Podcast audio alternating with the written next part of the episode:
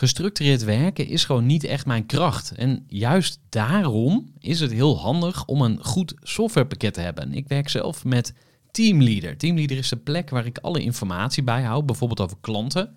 Waarin ik offertes maak en verstuur en die digitaal laat ondertekenen. Waarin ik facturen verstuur, waarin ik lijstjes bijhoud, waarin ik projecten kan managen, waarin ik standaard e-mails kan programmeren. Kortom, ik gebruik Teamleader om alle werkprocessen van mijn bedrijf te stroomlijnen. En zeker ook als je met een team werkt, is het heel fijn om over dezelfde informatie te beschikken. Nou, als je ook benieuwd bent of er mogelijkheden zijn om jouw bedrijf meer te stroomlijnen, of je nu alleen werkt of met een team, ga even naar teamleader.nl slash groeivoer en je kunt dan vandaag nog een trial starten voor twee weken lang, gratis. En je kunt Teamleader volledig uitproberen. En na de proefperiode krijg je ook nog zo'n leuke korting als luisteraar van Groeivoer. Ga naar teamleader.nl slash groeivoer. Gooi voor. Gooi voor. Gooi voor. Zoek je inzicht, inspiratie voor je eigen bedrijf. Wil je elke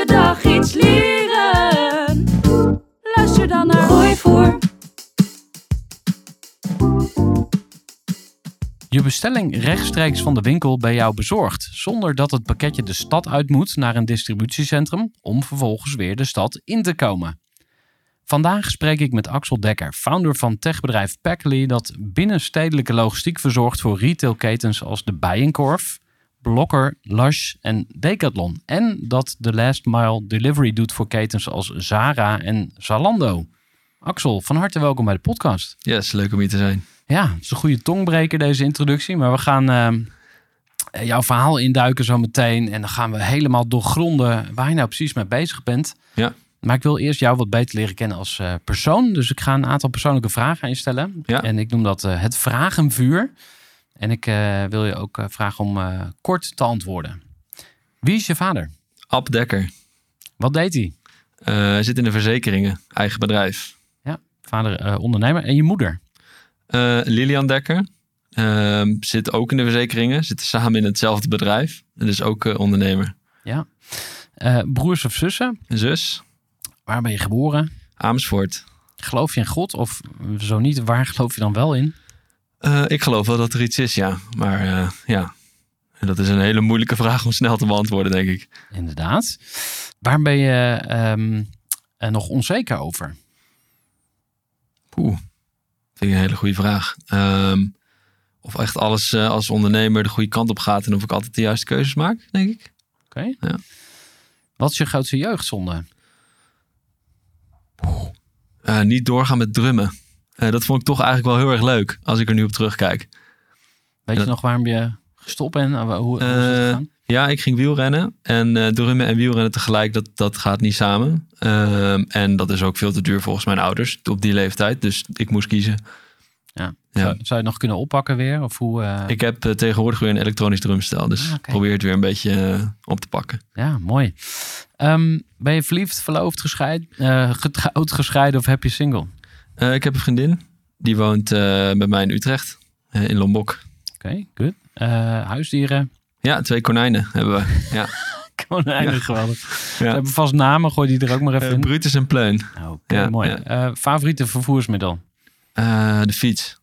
Oké, okay, wat doe je als je niet aan het werk bent? Sporten. Ja. Mooiste plek waar je ooit geweest bent? ik denk Tanzania. Ja, deze zomer. Ja. Prachtig land. Wat ging je daar doen? op bezoek bij familie, die wonen daar. Oké. Okay. Ja. Ja. Uh, dat zijn rechtstreeks bloedverwanten? Uh, de broer van mijn uh, vriendin. Ja. Ja, oké. Okay. Interessant. Um, waar droom je nog van? Wat, wat staat er nog op je bucketlist? Um, Bijvoorbeeld een bestemming of een activiteit? Of... Ik zou nog wel een keer naar Noorwegen willen.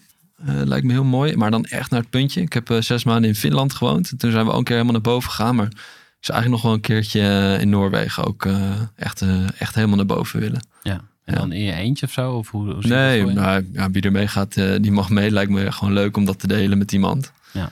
Dat is wel een speciale ervaring om uh, Noorderlicht en dat soort dingen te zien. Dus dat zou ik nog wel een keer in Noorwegen willen doen. Ja.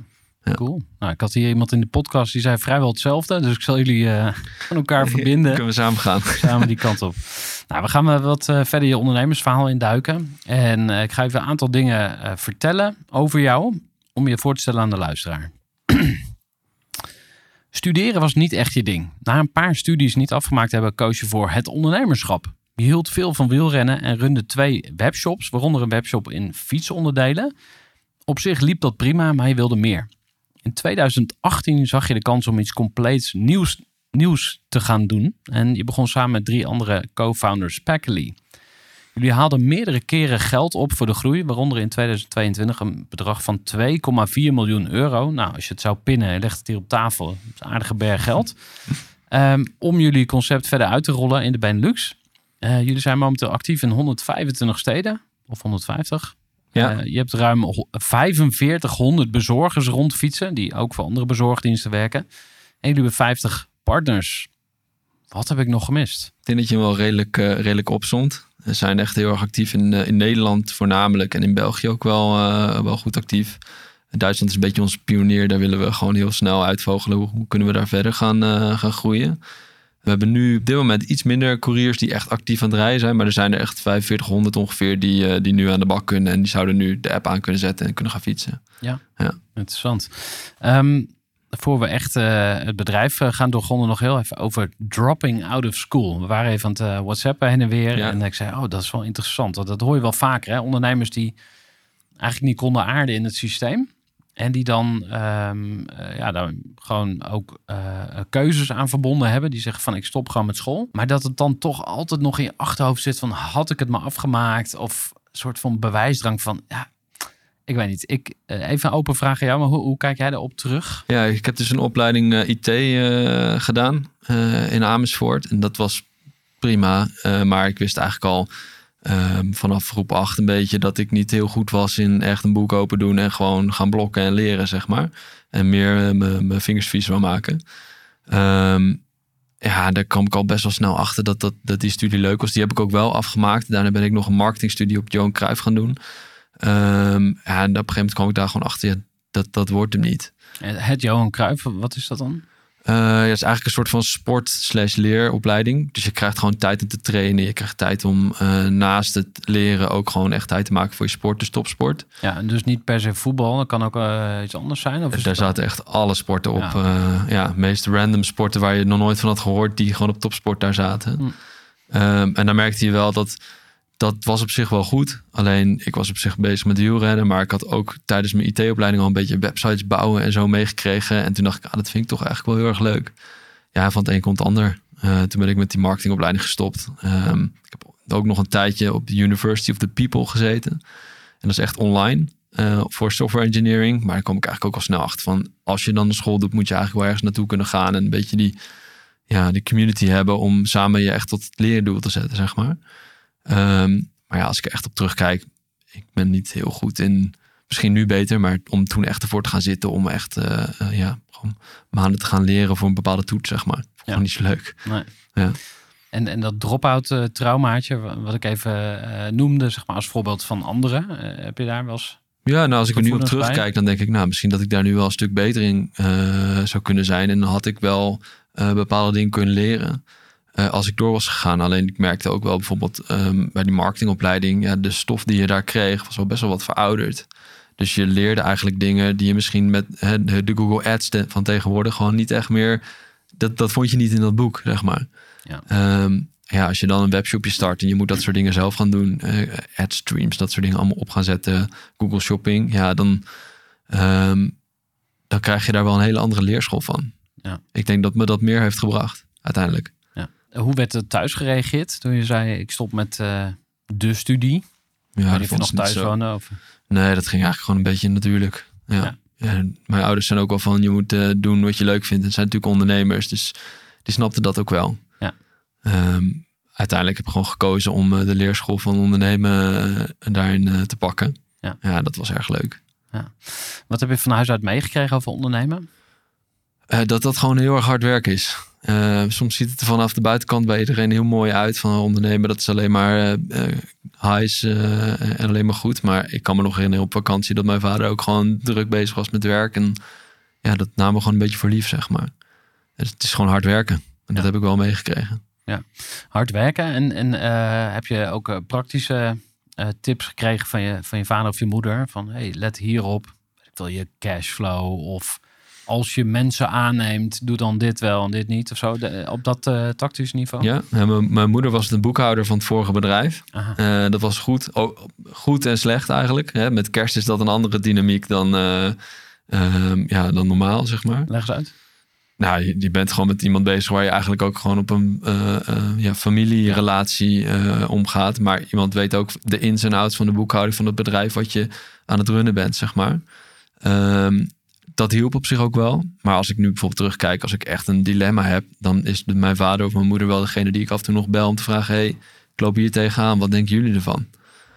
Heb je Ja. ook wel echt een voorsprong ervaren? Want dat is natuurlijk een Ja, ik denk het wel. Van, eh, als je ouders ondernemen, dan krijg je al zoveel mee. En dan heb je een soort kickstart. Dan ga je sneller van eh Ja. startblokken. Nou, als ik bijvoorbeeld iets met eh, belastingaangifte of zo als vraag had, ja, dan vroeg ik dat aan mijn vader. En dan zei hij, ja, je moet even dit, dit en dit doen. En, en dan komt het wel goed. Hmm. Ja, ik denk dat er genoeg mensen zijn die starten met ondernemen. En daar is dat echt een black box. Dan moet je dat maar uit gaan vogelen, zeg maar. Ja. Ja, dat is echt wel een voordeel. Nice.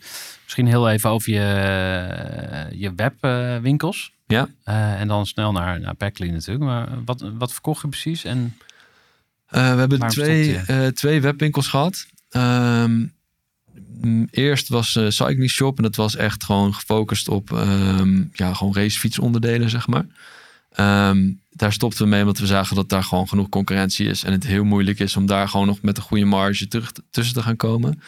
Ehm, degene waar ik mee had opgericht kreeg op een gegeven moment een goede baan. Zagen dat het allemaal een beetje verwaterde. En toen dachten we, hey, we gaan wat anders doen. Toen heb ik Fixed Gear Shop opgericht. Eh, en dat was echt gefocust op fietsen zonder versnellingen. Ehm, dus Dus- een fictie, dat is Ja. zo'n, zo'n ja, ik noem het even een, Een doortrapper, fiets, maar een- eigenlijk. Ja, daar- Ja. dus als je, eh, die ketting zit eigenlijk vast aan de naaf. Dus op het moment dat je stopt met trappen, dan draait gewoon alles door, zeg maar. Mhm. Dat is echt een hele erge niche markt. Ehm, ja, dat ging gewoon goed. Maar op een gegeven moment zagen we gewoon van ja, hier zit niet eh, zoveel rekking dat we nog super ver door zouden kunnen groeien.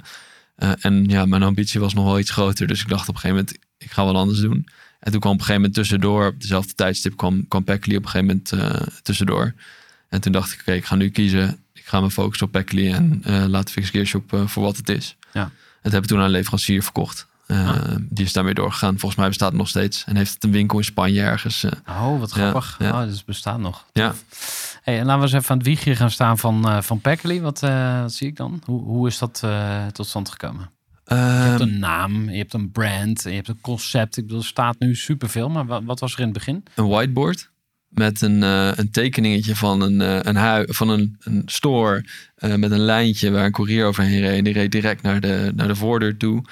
Ehm, en dat hebben we met z'n vieren eigenlijk op de bank eh, met een biertje op vrijdagavond uitgetekend. Wij, wij kenden wel een paar van die Deliveroo-couriers en dachten van... hey, kunnen we dit niet ehm, voor retail gaan doen? Ehm, en kunnen we dan niet gewoon de IT daarvoor gaan bouwen en dat gaan faciliteren? En dat is eigenlijk een beetje hoe het is ontstaan. En ja, we dachten, hey, dit is een goed idee. Eh, toen moesten we een programmeur vinden. Dat was de, eh, de vierde co-founder. Ehm, andere vriend van mij, die zat ook al een beetje in het fietsteam van het vorige bedrijf. Die zei, hey, ik vind het ook een goed idee. Ja, toen zijn we gewoon gaan bouwen eigenlijk. Ja. ja. Ja, en ehm, misschien dat binnenstedelijke logistiek nog even uitleggen. Want je hebt dus TNT, PostNL, DHL, whatever. Iedereen kent ze. ja. En dit is dan weer iets anders.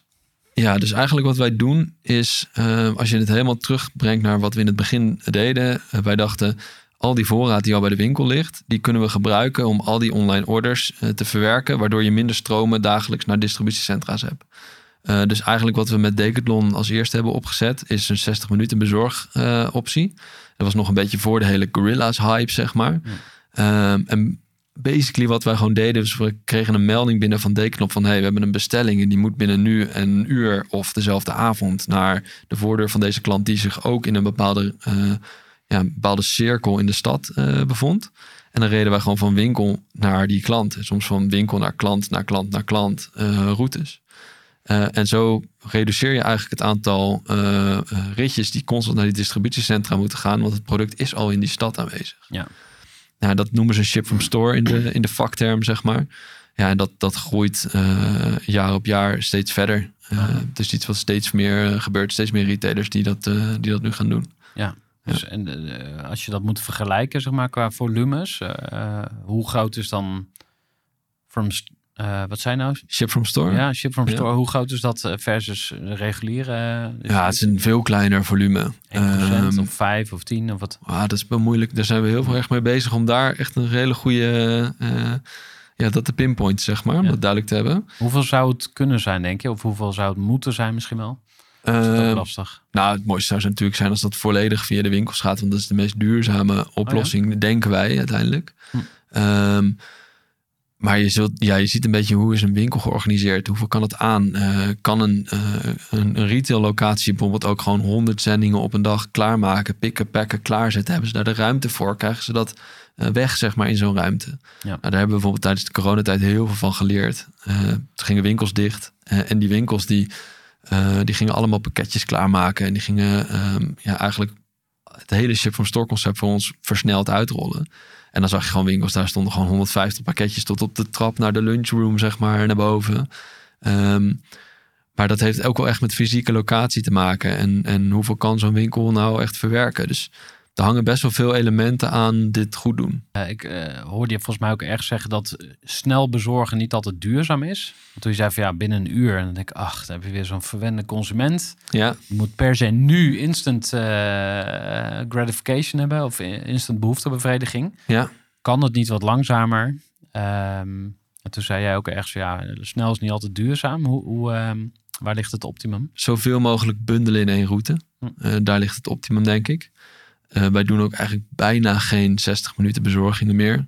En je ziet ook wel dat Er staat dat... nog wel, dus eh, Ja, we kunnen het nog wel, maar we doen het eigenlijk niet. Eh, we hebben het ook een stuk duurder gemaakt, dus het is ook wat minder aantrekkelijk om dat te doen.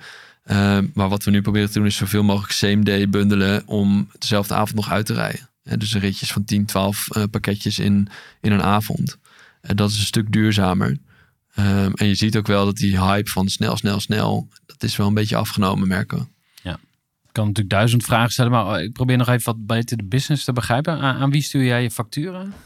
Aan retailers. Mhm. Ja, dus eh, aan de Bijenkorf, eh, de decathlons van deze wereld. Ja, per dag, per maand, per week? Per maand. Hoe, eh, ja, Ja. oké.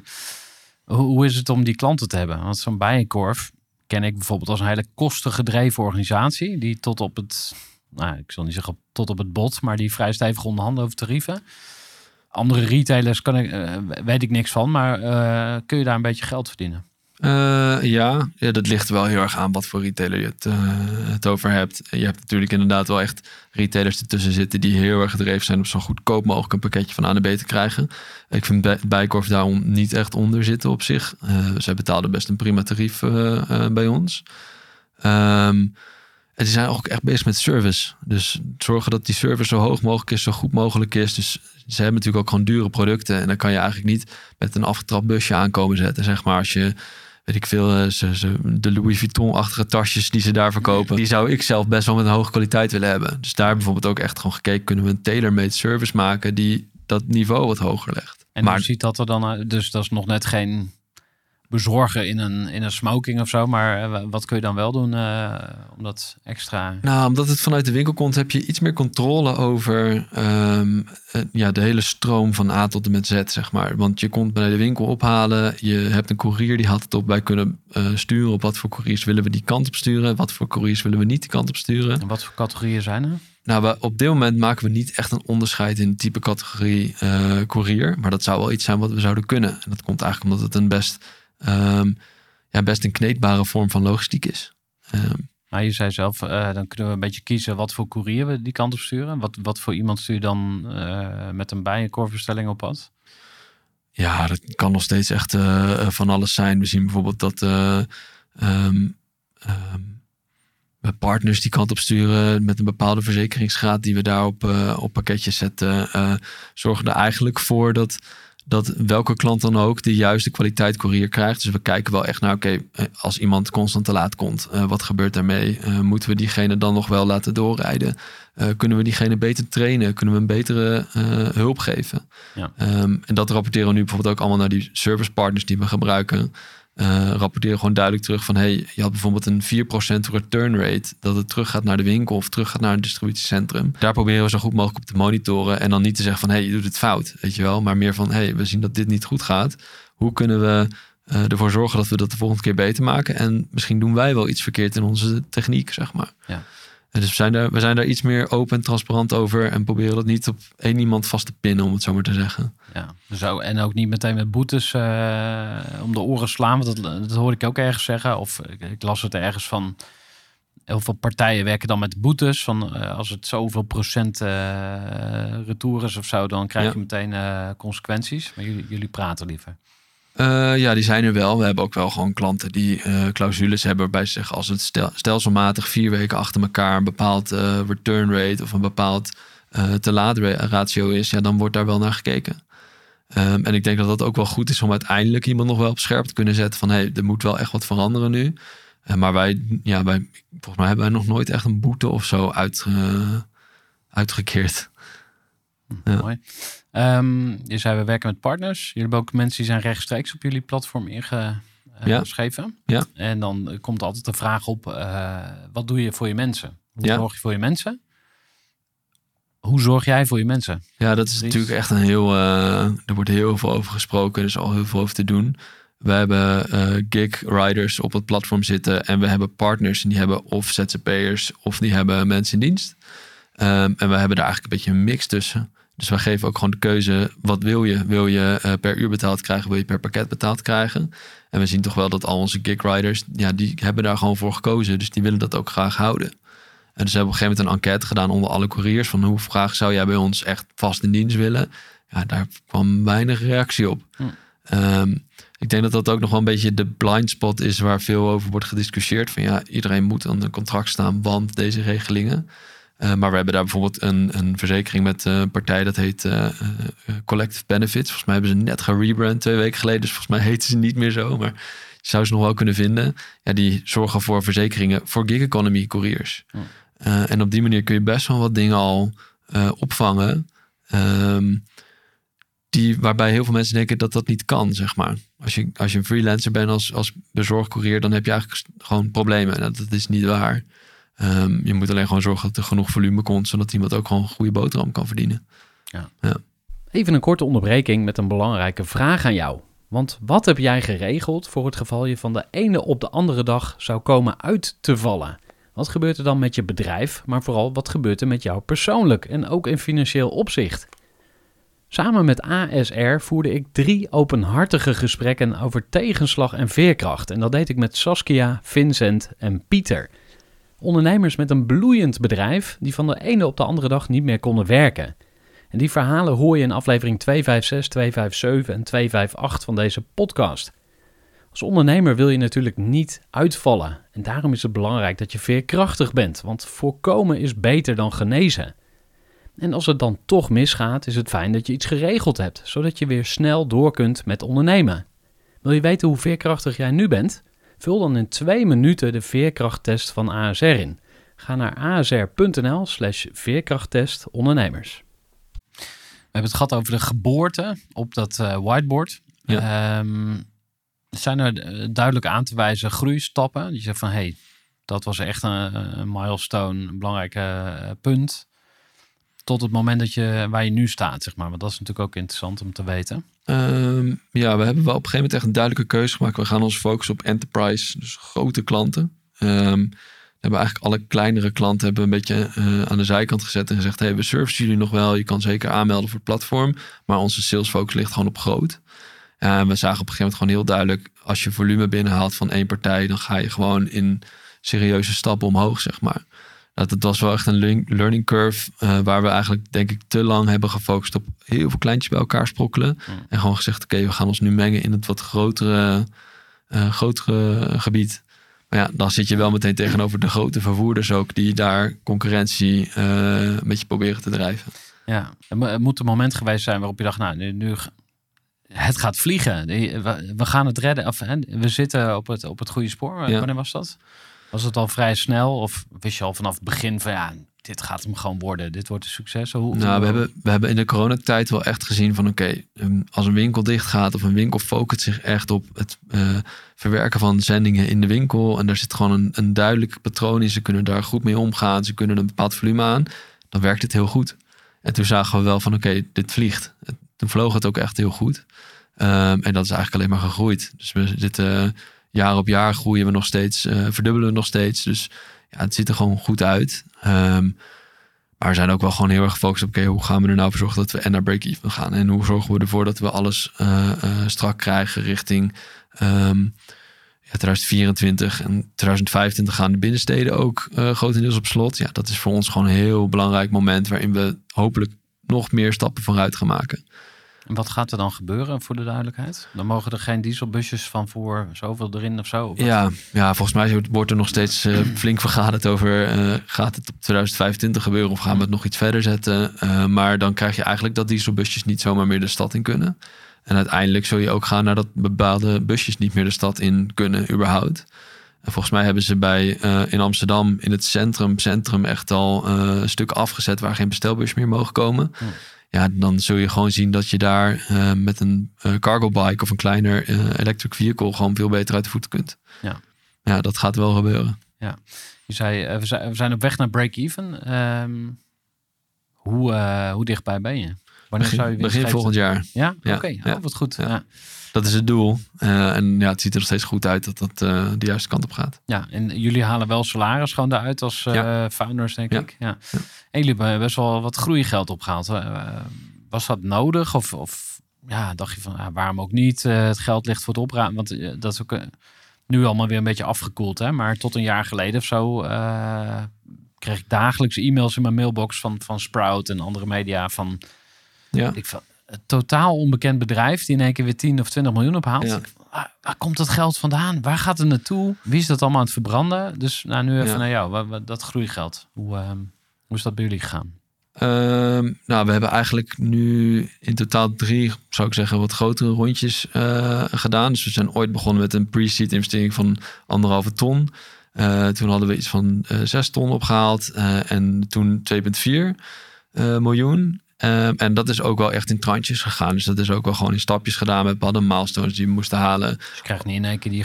nee, het werd niet in één keer gestort van... hey, alsjeblieft succes ermee en we spreken elkaar wel weer. Um, dat zou ik ook niet willen. Um, ik denk juist dat je, als je zeker als je nog aan het ontwikkelen bent en het kijken waar, hoe gaat het en hoe, uh, hoe meten we nou dat we de juiste kant op gaan, dan is een beetje ja, uh, doelstellingen, masters die je echt moet halen, dat is juist wel fijn, want dan blijf je ook wel heel scherp. En ja, ik denk dat wij net op het goede moment toen nog uh, geld hebben opgehaald.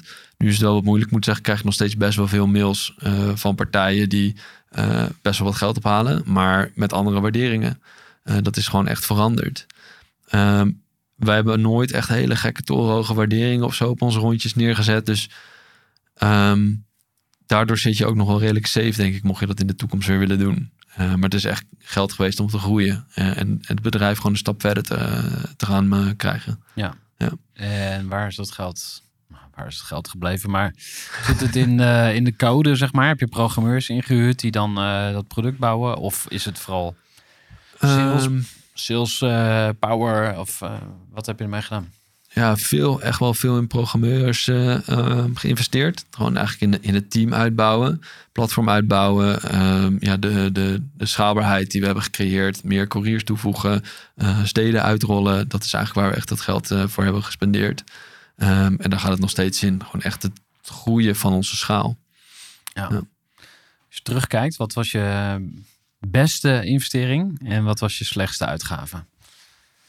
Oeh, goede vraag. Um, ik denk dat de beste investering toch wel gewoon echt in het team is geweest. De juiste mensen uh, zoeken, de juiste mensen neerzetten en echt wel uh, gefocust op het stukje tech. Uh, we hebben gewoon een goed platform neergezet. Um, daardoor hebben we gewoon best wel een stabiele factor om nu door te gaan schalen.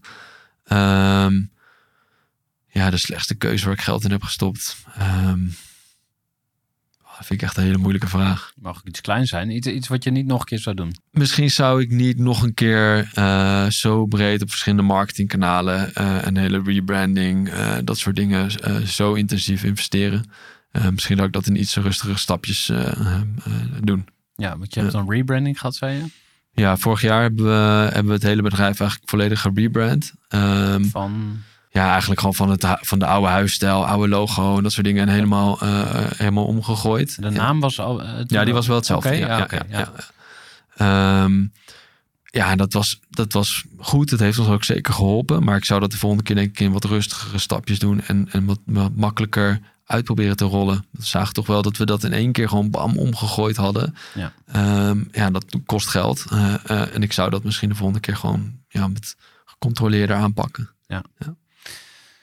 Ehm, waar sta je nu? Kun je schetsen, eh, wat is nu de stand van zaken? Bijvoorbeeld het aantal orders, omzet, eh, ja, klanten weten wel een beetje, maar eh, ook bijvoorbeeld het team. Hoe, hoe, hoe staan jullie er nu bij? Ja, omzet delen we niet echt. Ehm, maar als je kijkt naar, naar, naar volumes, ja, we doen echt duizenden pakketjes per dag nu. Ehm, in allerlei steden. Dus eh, je moet echt denken aan eh, Nijmegen, Arnhem, maar ook echt de dorpjes die ernaast zitten, Amsterdam. eh, waar we echt wel zien dat in de grote vijf steden van Nederland, daar zit het grote volume. Ehm, op het hoofdkantoor hebben we twaalf mensen zitten. Ehm, Waar is jullie headquarters?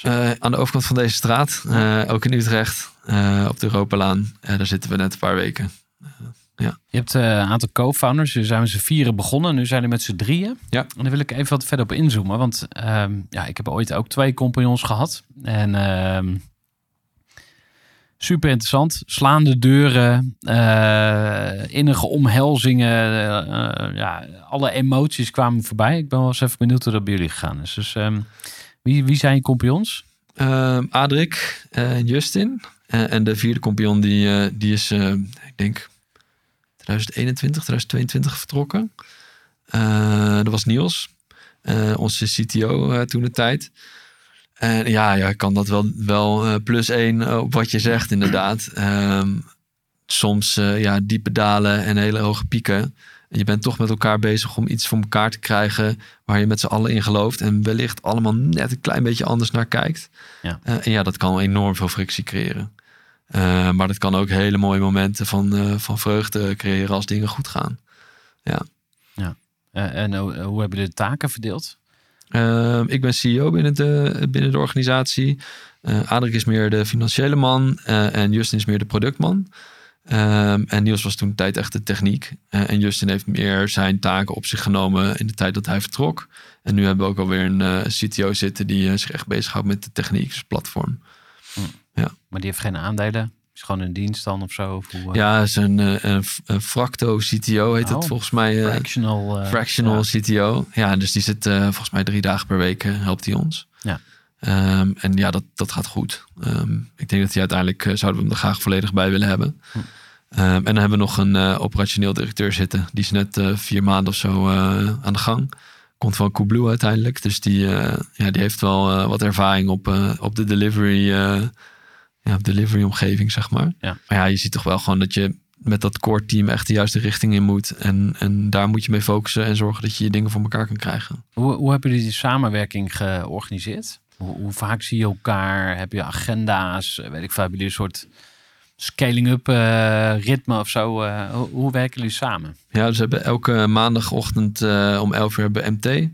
Ehm, en dan gaan we, we hebben een soort van automation in Slack. En op vrijdag stuurt hij een bericht met, hey, welke open topics wil je, wil je eh, voor maandag eh, in de groep gooien, zeg maar.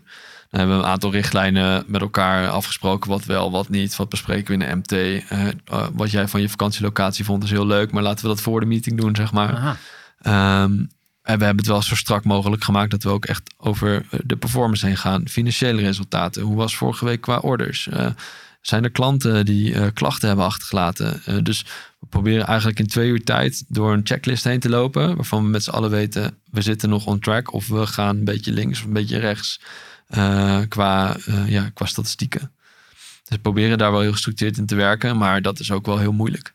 Om dat constant elke week heel strak vast te houden. Jij bent CEO.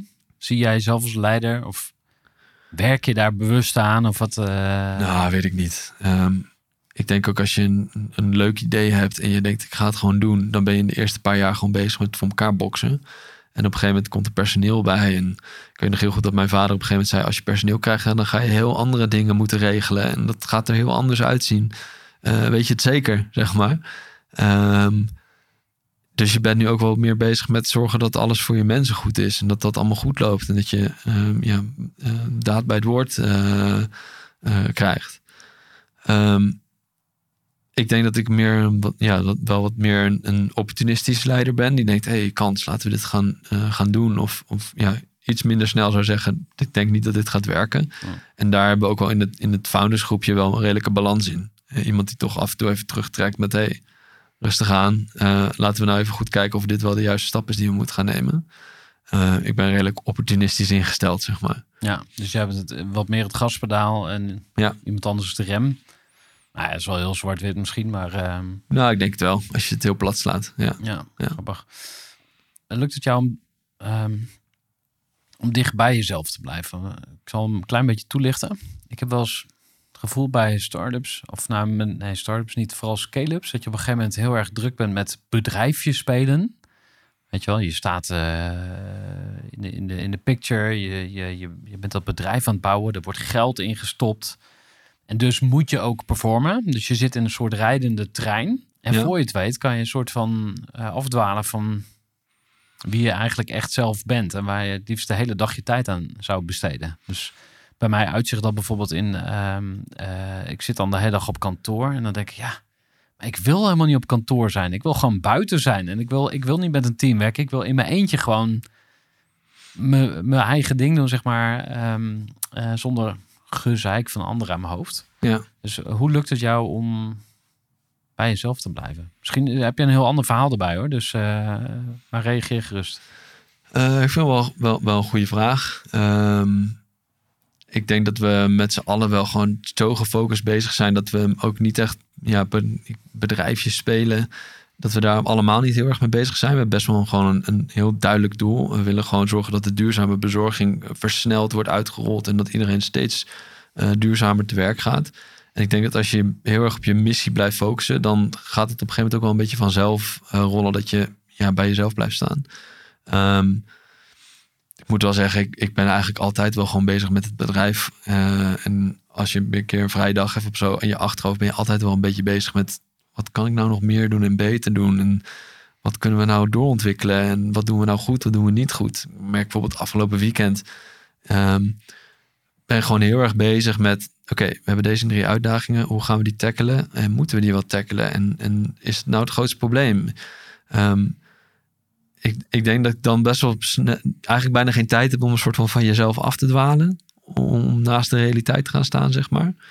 Um, dus ja, ik vind dat best wel een, een moeilijk, uh, best wel een moeilijk ding om vast te pinnen eigenlijk. Ja, wanneer dwaal je nou af? Ja, je kan, er op allerlei, je kan ook een beetje spiritueel, filosofisch naar kijken. Of spiritueel van waartoe ben je hier op aard? Ja. Ik denk dat van, ah, ik heb bepaalde talenten meegekregen en, en daar moet ik dichtbij blijven.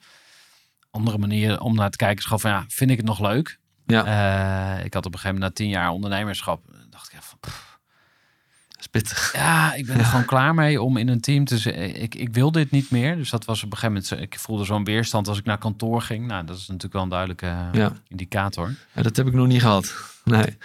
Uh, is nog steeds uh, na vijf jaar uh, met veel plezier naar kantoor. En ik merk ook wel dat ik gewoon heel veel energie krijg als ik bijvoorbeeld in het weekend niks doe. en op maandag er weer naartoe ga. Dan heb ik wel zoiets van: oké, okay, ik heb zin om weer op te gaan pakken en, en door te gaan pakken. Ja. En ik denk dat je dat ook wel op tijd moet stoppen op het moment dat je begint te voelen van. Hmm, heb ik het nou wel naar mijn zin? vind ik het nou wel leuk? Natuurlijk is ondernemen ook super uitdagend. En heb je ook wel echt momenten dat je denkt: waar doe ik het allemaal voor? Zeg maar. Ja. Um, maar ik denk dat als je dat niet hebt, ja, dan heb je of alleen maar een roze wolk als onderneming die alleen maar gas geeft en alles gaat goed. Ja. Maar ja, dat, dat heb ik wel geleerd. Dat is nergens zo. En soms heb je uh, vrienden die een bedrijf hebben en dan vraag je hoe gaat het en dan hoor je een beetje hoe dingen gaan. Dan denk je, oh, dacht dat bij mij een rotzooi was, maar ja. zegt dat ook bij andere partijen wel zo, zeg maar. Ja. Is er bij jullie ook een, een, sfeermaker zeg maar, in het compagnonsteam? Die, die echt uh, met taart komt binnenlopen en zegt... Oké jongens, allemaal even laptop dicht. We gaan even weet ik veel, iets vieren. We hebben een nieuwe klant binnengehaald. Of, uh... Ja, dat vind ik wel een goede vraag. Ik denk dat wij te weinig vieren. Eh, dus dat we er te weinig bij stilstaan. Als er dan eh, een beetje eh, ja, vaart wordt gemaakt of er wordt iets ge- gevierd, dan komt het eigenlijk altijd wel een beetje uit de gedachtegang met z'n allen van misschien moeten we wat meer vieren. hey, we hebben dit gehaald. Laten we anders een taart kopen, weet je wel. Ja. Ehm, maar ja, ik denk dat dat wel te weinig gebeurt bij ons. Ehm, je noemde het al even, eh, er is altijd shit. Ehm, ik had ook opgeschreven, eh, wat, wat was je, je, je mooiste, glorie, meest glorieuze moment tot nu toe? En wat was je echt je grootste verzoeking? Nou, ik denk dat we dat het mooiste moment eigenlijk op dit moment gewoon is alle grote partijen die we aangesloten hebben. En toch wel gewoon ehm, van een whiteboard idee naar echt een bedrijf eh, eh, gegroeid zijn met meerdere medewerkers, met funding, met, met echt gewoon grote klanten. Ik denk dat dat wel echt mijn grootste prestatie is op dit moment. eh, wat we voor elkaar hebben gebokst. En daar staan we echt veel te weinig bij stil. Maar dat is gewoon best wel mooi wat we voor elkaar hebben, eh, hebben gebokst. Ja. En echt van nul naar iets gegaan, zeg maar. Ik heb helaas geen applausknop, anders zou ik hem nu even indrukken. Maar goed gedaan, man. Ja, ja, dat, ja, daar staan we eigenlijk gewoon helemaal niet eh, zo vaak bij stil. Maar mogen we best trots op zijn. Ehm, ja, het grootste downers, ja. Uiteindelijk denk ik dat we nog steeds gewoon tien keer verder hadden willen zijn. En dat we dan nog steeds een stap terugnemen met de gedachte... ja, we hadden toch nog dit kunnen doen of eh, toch nog dat anders kunnen doen. Als je terugkijkt hebben we zoveel fouten gemaakt. Maar ehm, ja, hadden we misschien ook niet hier kunnen komen als we dat niet hadden gedaan, zeg maar. En, en, en wat gebeurt er dan als er zo'n is dat? Wat, wat is nou mijn situatie? Want je zei het ook van, heb ik in het weekend, er zijn er drie knelpunten waar ik dan de hele tijd over zit na te denken. Wat is het dan, zo'n zo'n knelpunt? Ehm, als ik bijvoorbeeld een, een heel eh, praktisch ding. ehm, dan hebben we bijvoorbeeld een bepaalde stad en die heeft een bepaald retourratio. Die is net iets te hoog. En dan zien we gewoon eigenlijk dat in onze track and trace pagina kun je net die feature om dat een beetje te voorkomen, kun je net niet goed zien. Ja, Oké, waarom hebben we dan dat design gebruikt en hoe kunnen we die gaan verbeteren zodat die experience voor die consument beter wordt? Of komt er een één ster review binnen met hey, klantenservice reageerde niet op eh, mijn bericht binnen een bepaalde tijd. Dan ga je dat checken, is er net iets misgegaan, weet je? Kan je dat nog eh, deleten dan of zo? Of staat dat voor altijd online? Nee, die staan wel altijd online. ja. Op zich Ja. is dat ook natuurlijk niet erg, want het zijn gewoon wel gewoon dingen die je op moet lossen. Eh, en iemand is gewoon heel eerlijk over hoe ze denken over jouw service. Ja. Dus we hebben in, in eh, Slack ook een channel reviews. En daar komen al die 1 sters tot en met 5 sterren komen allemaal binnen. Eh, en daar gaan we ook wel heel serieus mee om. Die, die pakken we vast en dan gaan we gewoon in een weekly echt wel eh, naar kijken. Wat is er precies gebeurd? En zo spot je ook wel patronen. Ehm, maar ik denk dat wij ook best wel oplossingsgericht zijn binnen de organisatie. Dus we zijn niet iemand die naar een probleem kijkt en denkt, nou, dat komt wel, zeg maar. Ik denk dat we dan misschien zelfs iets te optimistisch denken. We gaan dat even oplossen en dat doen we er wel, even- fietsen we er wel even doorheen, zeg maar. Ja. Ehm, ja, dat houdt je wel bezig. Heb je ook eh, heel veel geluk gehad ergens of heel veel pech juist? Nou, ik denk dat corona voor ons wel geluk was. Ja, zeker. Ehm, ja, de wereld ging op slot, om het zo maar te zeggen. En in één keer mochten eh, bezorgers nog wel de straat op. Eh, en al die winkels zaten dicht. En toen moesten ze nog wat met de voorraad die in die winkels was, zeg maar. Ehm, dat heeft ons enorm geholpen. Daardoor hebben we sneller klanten aan kunnen sluiten. De prioriteit was ineens hoger. Eh, dat, ja, dat ging best wel ehm, in een snelvaart toen. Ik weet nog wel dat ik op dag één eh, naar het nieuws keek en dacht: Oh, dit is niet goed. Dit gaat ook voor ons niet goed zijn. En maar uiteindelijk was het voor de business heel goed. Persoonlijk zou ik het niet nog een keer mee willen maken. Maar voor de business zou ik het best nog een keer mee willen maken. Het was gewoon echt een, eh, een booster van, eh van Pekkerly. Ja. Misschien nog even je, beste tip over eh, met compagnons werken. Ik denk dat het heel makkelijk is om, je om te denken: ah, wat wil je nou? Eh, dat is niet waar. Eh, we gaan het zo doen. Ik denk dat je soms gewoon echt langer de tijd moet nemen om echt iemand zijn mening goed uit te dokteren. En, goed te bedenken van ja, misschien heeft hij daar wel een punt. Misschien is dat inderdaad wel de juiste manier om, om volgende stappen te maken. Ik denk dat het heel makkelijk is om een soort van je eigen visie te maar te blijven volgen en niet echt te luisteren naar je co-founders. Hmm. Ja, zijn uiteindelijk toch degene die, ondanks dat je het misschien niet met elkaar eens bent, nog steeds hetzelfde doel hebben. En dat is het bedrijf succesvol maken. En hoe maak je tijd voor elkaar? Eh, nou, wij doen wel, wij doen best wel veel samen. Het zijn ook gewoon goede vrienden. Eh, het zijn wel, ik denk dat het wel de meest, mensen zijn waar ik het meest mee optrek ehm, in mijn leven op dit moment. Eh, dus wij gaan ook wel af en toe gewoon samen eten. En eh, proberen ook gewoon één keer in de maand even een uitje te doen. En eh, één keer in het kwartaal samen ergens naartoe te gaan om over de strategie na te denken. Dus we maken ook wel tijd voor elkaar. Ehm, en met Adek ga ik bijvoorbeeld regelmatig fietsen. We kennen elkaar van het wielrennen, dus dan gaan we gewoon een rondje fietsen. En dan gaat het waarschijnlijk altijd over werk. Maar je hebt wel het idee dat je toch dingen samen doet die misschien niet in de kantoortuin worden besproken. Hebben jullie een teamcoach? Of gehad? Nee, niet echt. Eh, maar ik moet zeggen, onze investeerders die zijn echt enorm eh, behulpzaam. Eh, die spreken we één keer in de maand, geven ze ook een update. Waar staan we? En we kunnen al die investeerders wel bereiken. Mm. We hebben ook een adviesraad. Ja, die helpen ons gewoon heel goed. Ehm, ik denk dat die ons wel echt door, door grote problemen, door grote uitdagingen heen trekken. En ons advies geven over wat ze al hebben gezien Ja. in de jaren dat ze al actief zijn. We gaan naar ehm, de groeidilemma's. Een ehm, aantal eh, eh, dilemma's die kan je gaan voorleggen. En jij mag, kie- of je moet kiezen. En eh, nu nuanceren mag achteraf. En dan gaan we daarna nog over je persoonlijke groei hebben als, als ondernemer. Ehm, ik begin met de dilemma's. Ik ben goed in geld verdienen of ik kan nog best wel wat leren. Dan kan nog wel wat leren, denk ik. Oké. Elke dag een beetje beter worden of tevreden zijn met wie je bent. Elke dag een beetje beter worden. Ik kan goed delegeren of laat mij het maar zelf doen. Ik kan goed delegeren. Ik wil graag aardig gevonden worden of een stevig gesprek is voor mij geen enkel probleem. Eh, stevig gesprek is geen enkel probleem.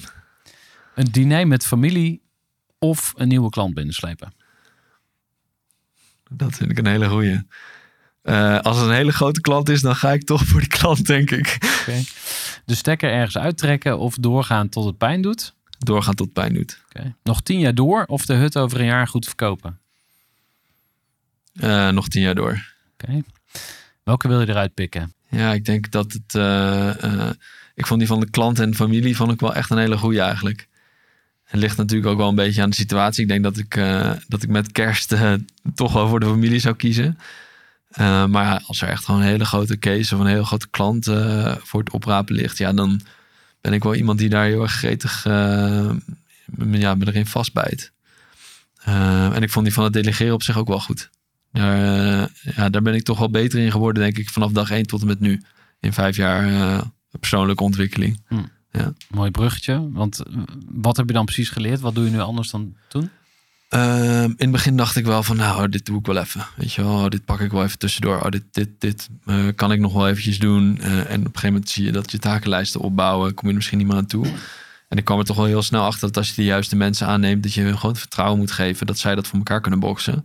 Eh, en dan kun je het beter delegeren en zeggen... Hey, dit is nu jouw... jij hebt nu de ownership om dit voor elkaar te gaan boksen. Ehm, en ja, jij bepaalt. Dus wij zijn binnen de organisatie ook denk ik best wel los in bij iemand een bepaalde ownership neerleggen. Ehm, en daardoor zie je wel gewoon dat je ook wel een beetje geforceerd gaat delegeren uiteindelijk. En je er minder mee gaat bemoeien.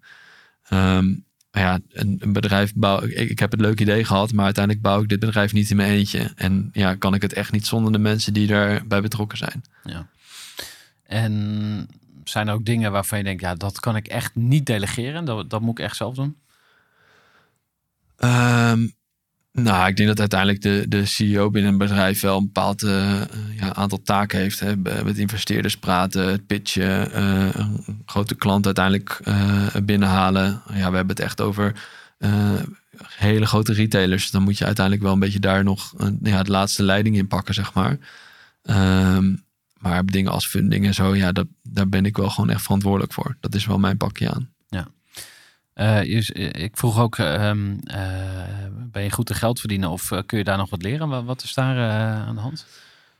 Ehm, Wat zou je nog, waarom zou je beter willen worden? En, ik denk dat ik nog wel beter zou kunnen zijn in sparen en, en, en iets strategischer misschien met, met mijn, mijn eigen geld omgaan, zeg maar. dus niet in de business, maar privé of allebei? Ja, misschien allebei al, maar op de, op de business hebben we Adrik die zich echt volledig gefocust op het financiële gedeelte. En Ja. die, die heb ik daar ook eigenlijk gedelegeerd wel van, hey, dit is jouw domein eh, en ik volg, zeg Ja. maar. En hoe doet hij dat? Ja, ik stel allemaal subvragen, maar he- heeft hij potjesmethode of zo? Van hey, we BTW apart, eh bufferen, ja. eh, noem het allemaal maar op.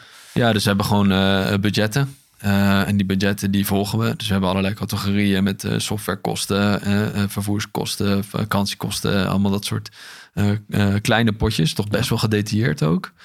Ehm, en dan zetten we eigenlijk gewoon een bedrag neer van we zeggen, dit willen we die maand gaan doen. En daar willen we niet boven komen. Het gaat soms goed, het gaat soms ook wel eens fout. Ehm, en ik denk dat ja, daar heel consequent in zijn. Ehm, Ik denk dat hij daar wel beter in is. En ik ben nooit echt een rekenmond. Ik was ook nooit heel goed in wiskunde. Dat was eigenlijk de enige ding waarvan ik moeite had om te slagen op school, zeg maar. Mhm.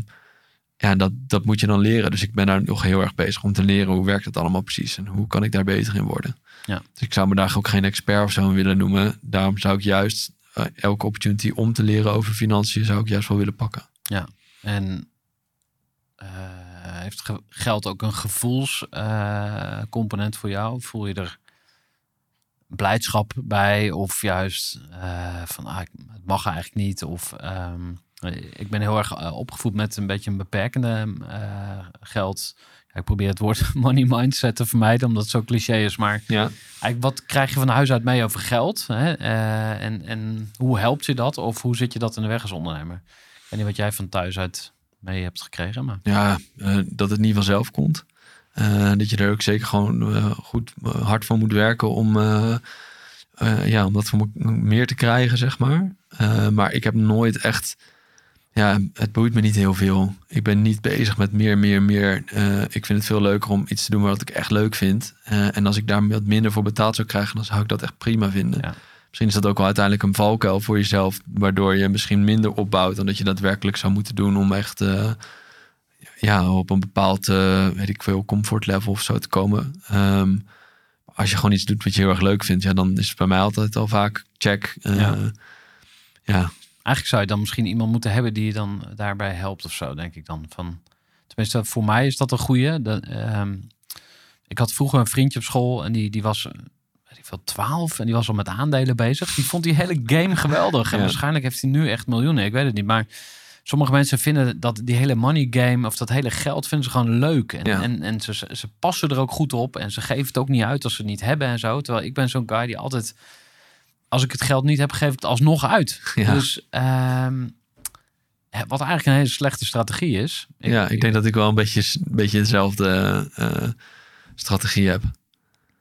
Ja, ik denk, ik denk dat het best goed is om daar ja, om iemand aan je zijde te hebben die misschien heel goed is in cash management. En, en echt nadenken over hoe kan ik nou iets laten groeien. Ik ben wel een beetje met de crypto en dat soort dingen bezig. Maar ja, ik heb wel een paar mensen om me heen die daar veel beter mee bezig zijn. Veel een betere mindset in hebben. Ehm, maar ja, ik vind dat misschien ook wel gewoon wat minder. Het, het boeit me gewoon wat minder. Ja. Dus ja, dan heb je misschien een andere passie waardoor je dat, er niet zo ver in komt, zeg maar.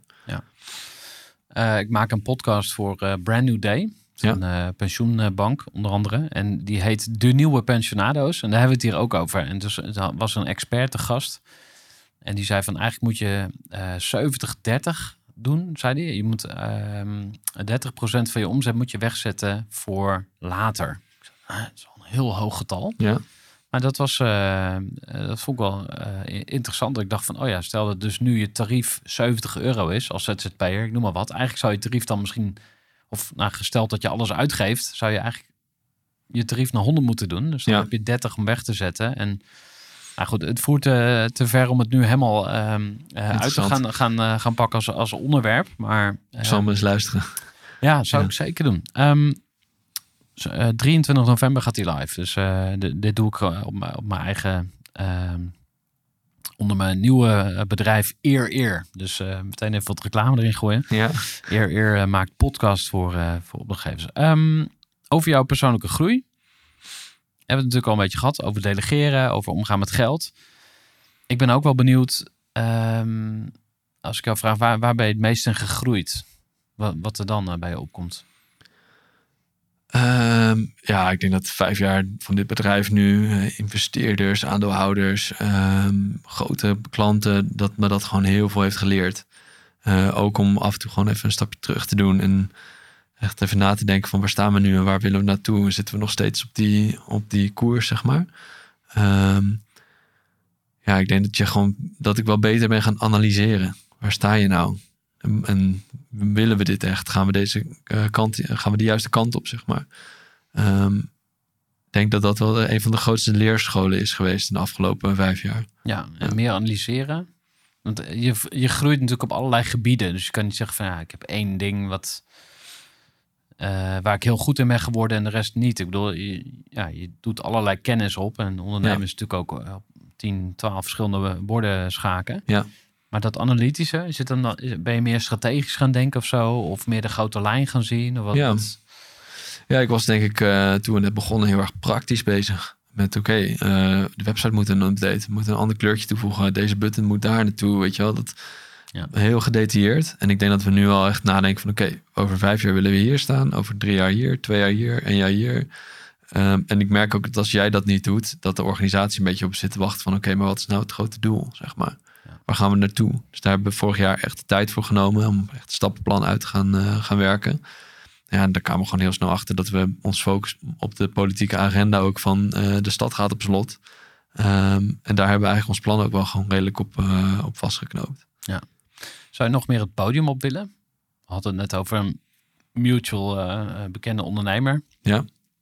Eh, Thijs Verhul van United Wardrobe, die, die alleen nog maar aan het spreken is. Nou, die heeft zijn exit gehad, dus die kan ook gewoon een beetje op zijn lauweren rusten misschien. Maar zou je, want je kan ook nog veel meer die, die zendingskant op gaan. Hè? Van ik heb een groen verhaal en ik ga overal het podium pakken. Ja. En dan is misschien een hele indirecte manier om klanten te werven. Maar Ja, dat is wel iets waar we de afgelopen, ehm, ik denk de afgelopen twee maanden in het marketingteam ook veel over hebben gesproken. En dat is ook wel een van de dingen die in de pipeline zit om gewoon echt iets meer uit te gaan spreken. En Ja.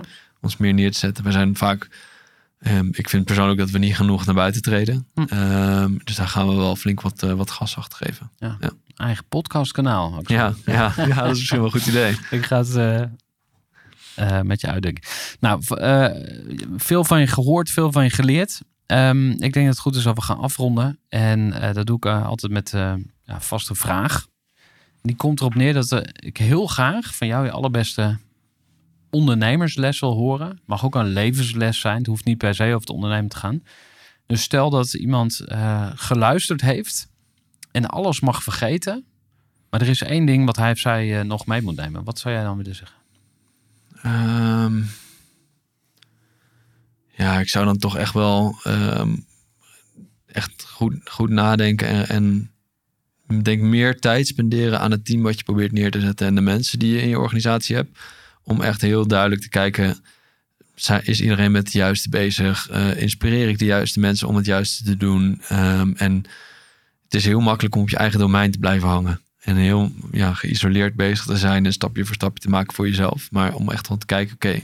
En wij zijn met twaalf mensen, dus op zich is dat heel erg overzichtelijk voor ons. Maar als je 50, 100 man hebt, denk ik dat het op een gegeven moment heel moeilijk wordt om nog bezig te zijn met de mensen. Eh, om het overzicht te houden, om met z'n allen naar hetzelfde doel toe te rennen, zeg maar.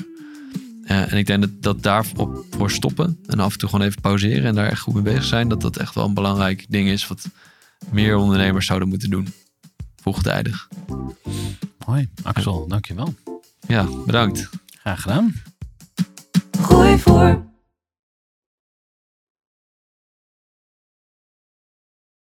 Gestructureerd werken is gewoon niet echt mijn kracht. En juist daarom is het heel handig om een goed softwarepakket te hebben. Ik werk zelf met Teamleader. Teamleader is de plek waar ik alle informatie bijhoud, bijvoorbeeld over klanten. Waarin ik offertes maak en verstuur en die digitaal laat ondertekenen. Waarin ik facturen verstuur, waarin ik lijstjes bijhoud, waarin ik projecten kan managen, waarin ik standaard e-mails kan programmeren. Kortom, ik gebruik Teamleader om alle werkprocessen van mijn bedrijf te stroomlijnen. En zeker ook als je met een team werkt, is het heel fijn om over dezelfde informatie te beschikken. Nou, als je ook benieuwd bent of er mogelijkheden zijn om jouw bedrijf meer te stroomlijnen, of je nu alleen werkt of met een team, ga even naar teamleader.nl slash groeivoer en je kunt dan vandaag nog een trial starten voor twee weken lang, gratis. En je kunt Teamleader volledig uitproberen. En na de proefperiode krijg je ook nog zo'n leuke korting als luisteraar van Groeivoer. Ga naar teamleader.nl slash groeivoer.